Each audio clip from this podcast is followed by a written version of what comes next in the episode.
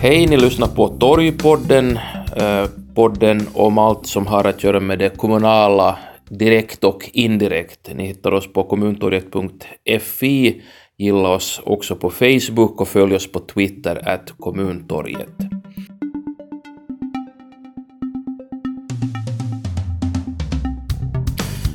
Och jag säger hej till Ida Solin, direktör för de svenska och internationella ärendena här vid Kommunförbundet. Hej Ida. Hej Ida. Vi ska prata regeringsprogram förstås. Det kom ut igår och det finns mycket att bita i, också förstås för Kommunförbundets del som är en viktig aktör när det handlar om hur den nya regeringens politik ser ut i verkligheten i folks vardag. Vi börjar ändå med det här eh, hur man så att säga presenterade det här programmet igår på ett bibliotek i Helsingfors. Vad ska man dra för slutsatser av det här, Ida? Ja, alltså det presenterades det här programmet, alltså, eller förhandlingsresultatet mm. presenterades alltså på ett bibliotek, på Ådi biblioteket här i Helsingfors. Och om man jämför med säg fyra år tillbaka i tiden när programmet presenterades på statsrådets borg så var det här ju nog avsevärt närmare invånarna, närmare folket och det var ju kanske lite mer avslappnat och, och det har vi ju nog en väldigt uttänkt strategi för att när man ser på programmet som helhet så är det här ett, ett program som är väldigt uh, nära människorna, liksom människovänligt, människovärdesvänligt. Om vi säger det så. Här är det ju inte, det är ju inte liksom åtstramningar och, och, och liksom kalla kalkyler som gäller, utan det är ju en, en, en, en satsning på, på liksom ett, ett uh, samhälle som stöder och, och där samhället finns till för den enskilda människan och, och, och liksom det här, just det här människovärde, demokrati, människorätt, mänskliga rättigheter och så vidare, där det syns väldigt mycket. Och då har man ju velat föra ut det bland folket. Och det syntes ju också alltså i, på den här presskonferensen när i frågor, alltså när man tog frågor från publiken så var det ju inte bara medierepresentanter som fick ställa frågor utan det är ju faktiskt invånare, alltså helt mannen från gatan som fick ställa frågor till de som ministrar eller kommande ministrar som stod uppställda. Mm. Uh, helt klart är det så att jämfört med för fyra år sedan så um, andas det här programmet någonting helt annat än vad regeringen Sipiläs uh, mm. regeringsprogram gjorde. Men om man tittar på kritiken som har följt så skulle man, får man ju det intrycket att, att folk kanske ser det här mera det här människonära eh, och, och liksom den här optimismen som en sorts PR-kupp som man mm. försöker sälja. Mm. Och man såg igår på till exempel A-studio på eh, Yle Ettan där eh, opposition och regeringspartier diskuterade så var ju en kritik att det här är inte alls trovärdigt. Mm. Um, har du förståelse för det, att, att det är för, för mycket förhoppningar och för lite konkreta åtgärder? Om man läser det här programmet, alltså när man läser igenom det så är det ju faktiskt så att det, det är väldigt mycket fina skrivningar och ganska lite konkreti och ganska lite alltså exempelvis ekonomiska kalkyler på vad saker och ting kostar och varifrån pengarna ska komma. Visst är det så. På samma gång så tror jag att det här är medvetet. Alltså jag tror ju att det är så att man har, har på något vis liksom sitt att fin, det finländska samhället var på väg i en riktning dit man inte ville gå längre. Och om vi tittar på eh, den analys som gjordes exempelvis inom ramen för, för, för statsrådets språkberättelse för några år sedan så visar det sig på att, eller det visar ju på att, att, att um, förhållandet till, till minoriteter, till minoritetsspråk och så vidare hade alltså, kylnat av i Finland avsevärt. Och det här är ju någonting liksom som, som man med det här programmet har velat ändra på. Man vill liksom föra Finland, finska samhället i en ny riktning. Man vill visa vägen för att okej, okay, vi kan tänka på ett nytt sätt, vi kan värna om varandra på ett nytt, nytt sätt, på ett annorlunda sätt. Och visst, det, jag tycker inte heller att det är på alla sätt trovärdigt och det är ju också skrivet i programmet att, att många av de här åtgärderna är ju beroende av ifall det finns pengar. Mm. Alltså ifall uh, sysselsättningsnivån höjs till en, en viss nivå så kan man genomföra mer av det här. Om sysselsättningsnivån inte höjs så kommer inte alla de här åtgärderna att genomföras. Ändå tycker jag att det har ett värde i sig att man har liksom valt att valt att välja riktning, valt att föra en diskurs med andra termer, med annat värde än tidigare. Man har helt enkelt liksom eh, änd- man, har, man har läst kartan och ändrat riktning. Mm. Um, om vi funderar lite kring det här ändå med ekonomi, för att man kan ju inte komma bort från det, även om det, jag tror också på det sättet att det har ett värde, också ett väldigt konkret värde i det att man så att säga ändrar riktning och har den här eh, attityden kring det här regeringsprogrammet. Men den här politiken som nu förs fyra år framåt, den ska implementeras av kommunerna i ganska lång utsträckning. Det betyder att kommunerna måste ersättas av statens, staten fullt ut. Kan du säga om någonting om det, vad du kan utläsa ur det här programmet vad gäller liksom den här eh, ersättningen av kommunerna så att de kan utföra den uppgift de har blivit ålagda staten? Ja, alltså för det första så är det ju inte så, alltså det finns ju ingen naturlag som säger mm. att kommunerna måste ersättas för sina utgifter.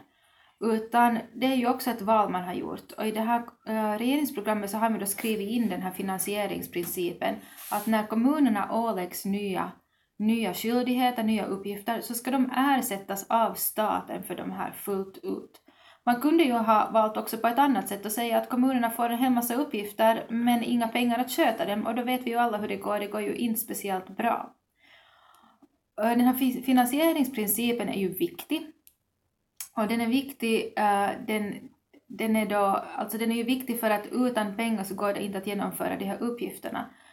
Och det är en hundraprocentig finansieringsskyldighet äh, som staten har. Men, men det är ju inte alltid, alltså om man tänker sig att, att jag nu Dan säger åt dig att, att äh, jag ersätter dig och du ska utföra en uppgift för mig. Jag vill att du ska uh, springa runt huset tre gånger och jag ersätter liksom dina kostnader för det. Vi kan ju ha lite olika, uppgift, uh, olika mm. uppfattning om, om vad det här kostar för dig. Mm. Du kan räkna ut att hur mycket av din arbetstid det har tagit, hur mycket mer du måste äta för att kunna springa de här varven och så vidare. Jag kanske tycker att, att du tar det lite i överkant och jag ersätter dig bara en liten peng av det här. Så att också i de här förhandlingarna, även om det står skrivet i alla papper att staten ska ersätta mm. kommunerna fullt ut, så är det ju i förhandlingarna då som, som det blir, som man måste hårfint syna vad, vad de här nya uppgifterna uh, kostar. Och där, kan, där har det visat sig att, att kommunernas syn och statens syn på mm. vad, de verkliga kostnaderna är, vad de verkliga kostnaderna egentligen är, så de, är, de kan variera ganska mycket. Och som ett exempel på det, om det som det har diskuterats mycket nu efter att regeringsprogrammet offentliggjordes var ju förstås den här förlängda läroplikten. Mm. Nu är det så att säga höjd med ett år till 18, alltså mm. det blev till exempel inte till 19 år genom andra stadiet som Kommunförbundet hade räknat eh, på. Men också här kommer det ju säkert att uppstå diskussioner om vilka kostnaderna är, för att kommunerna som har ansvar för det här ser ju säkert att det handlar inte bara om läroplikten, utan det handlar om en massa saker som finns kring själva eh, obligatorisk skolplikt eh, som man måste stå för helt enkelt. Absolut, absolut. Och det är ju oftast, och det vet vi alla som, som lever ett liv, att, att de här liksom verkliga kostnader för vad som helst som man som mm. antingen person eller organisation vad de här verkliga kostnaderna är, så det vet man först när man gör någonting. Mm. Och det är ju därför som de här kommunerna själva är bra på att räkna ut liksom vad saker och ting kostar. Och, och de beräkningar som på förhand kan skrivas in i, liksom i regeringspropositioner och sånt som på förhand staten räknar ut för kommunernas räkning är ganska sällan gångbara. Men där ska jag också säga att en del i det här regeringsprogrammet var ju också att förbättra, förbättra nivån på lagstiftningen, mm -hmm. alltså förbättra kvaliteten på lagstiftningen och där går, ingår det ju också att förbättra nivån på de här kostnadskalkylerna. Så min förhoppning är ju att, att en, en förbättrad, uh, förbättrad kunskap, alltså att, att de som gör de här nya lagarna faktiskt ska bli bättre på att räkna ut vad de kostar i kombination med den här finansierings uh, principer som nu då är inskriven här, att de tillsammans då faktiskt ska se till så att kommunerna har möjlighet att fullgöra sina uppgifter. Just det. Vi tar ett annat tema som har att göra med språk och kan också komma in lite på den här nordiska aspekten som syns i regeringsprogrammet. Vi har idag på kommuntorget.fi sakkunnige Matti Räsänen från Institutet för de inhemska språken som pratar om det att det är jättebra att man nu talar om att förnya den här eh, nationalspråkstrategin. Det talas också om ett sådant här språkpolitiskt program som då täcker de här övriga språken som eh, talas i Finland. Han säger också det att, eh, att det är ändå viktigt att till exempel en sån här strategi stöds av en obligatorisk eh, studentsvenska. Nu är det lite oklart om den kommer att återinföras, men överlag, hur ser du att svenskan, om vi börjar med den, syns i det här regeringsprogrammet? Jag tycker att svenskan syns mycket bra i det här regeringsprogrammet. Det syns och det märks att SFP har varit med och förhandlat och man har förhandlat bra tycker jag.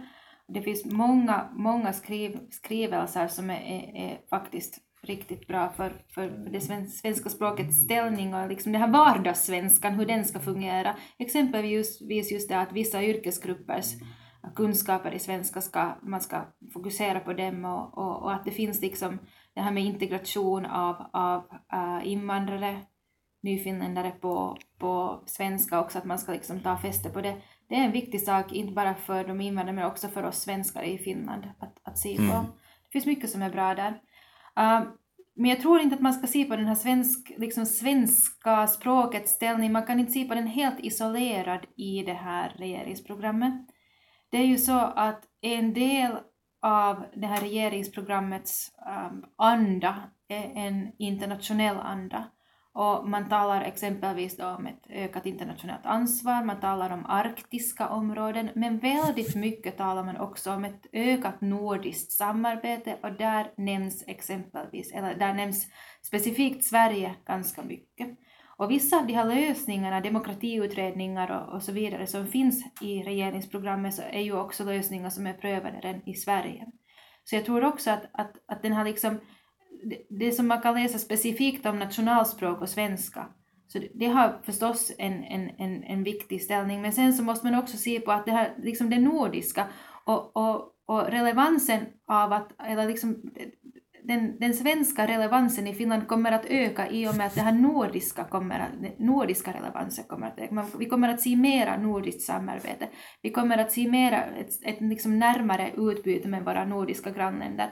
Och, och det kommer, där faller det ju sig naturligt att det blir en, en, en liksom, det blir en tillgång att kunna svenska och också kanske på den nivån då att man kan visa för de yngre vilken nytta man har av en svenska i en nordisk och internationell kontext. Mm. Har du några funderingar kring varför den här aspekten understryks nu? Alltså tidigare så har ju Finland och Sverige förstås varit nära varandra.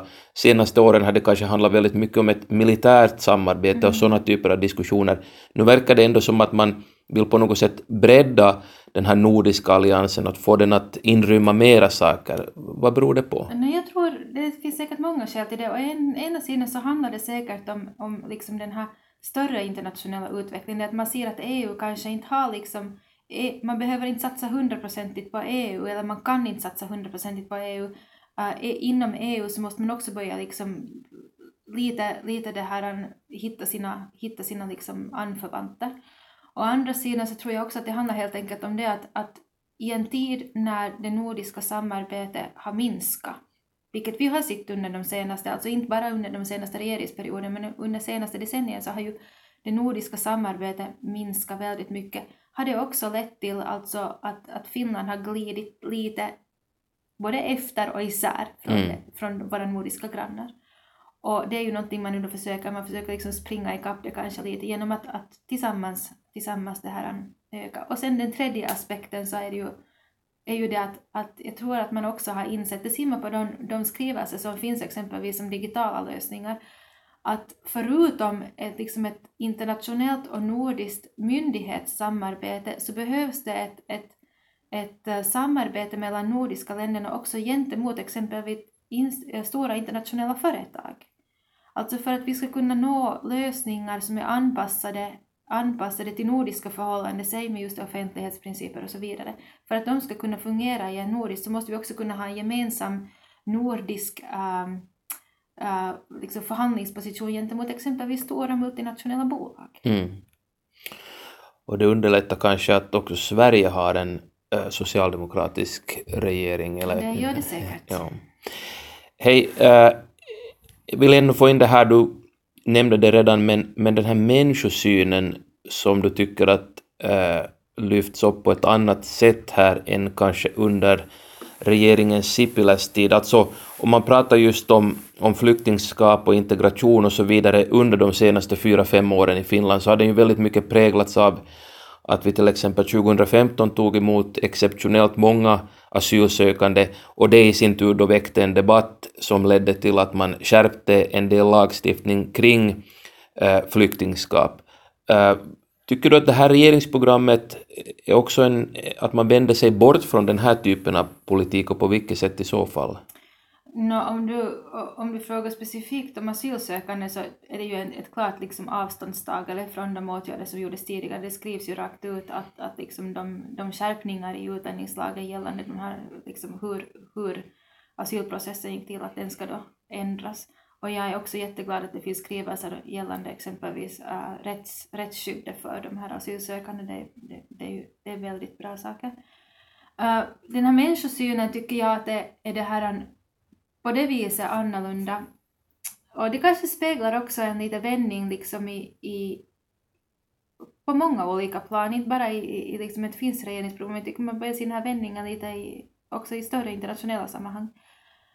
Att hittills har vi mycket talat om, det har varit liksom modernt att tala om det här individens ansvar och individens liksom lösningar för sig själv och hur individen tar sitt eget ansvar och en, en ganska så här individualistisk politisk uh, strategi och prägel. Och här igen då så är den här synen kanske en mera traditionell nordisk uh, välfärdsstat där samhället finns till för människan och inte människan liksom för, mm. för sin, sin egen lycka. Mm. Alright, Vi börjar avrunda men jag vill ändå fråga, uh, här är ju förstås då många frågetecken ut, många saker som ska manglas fram.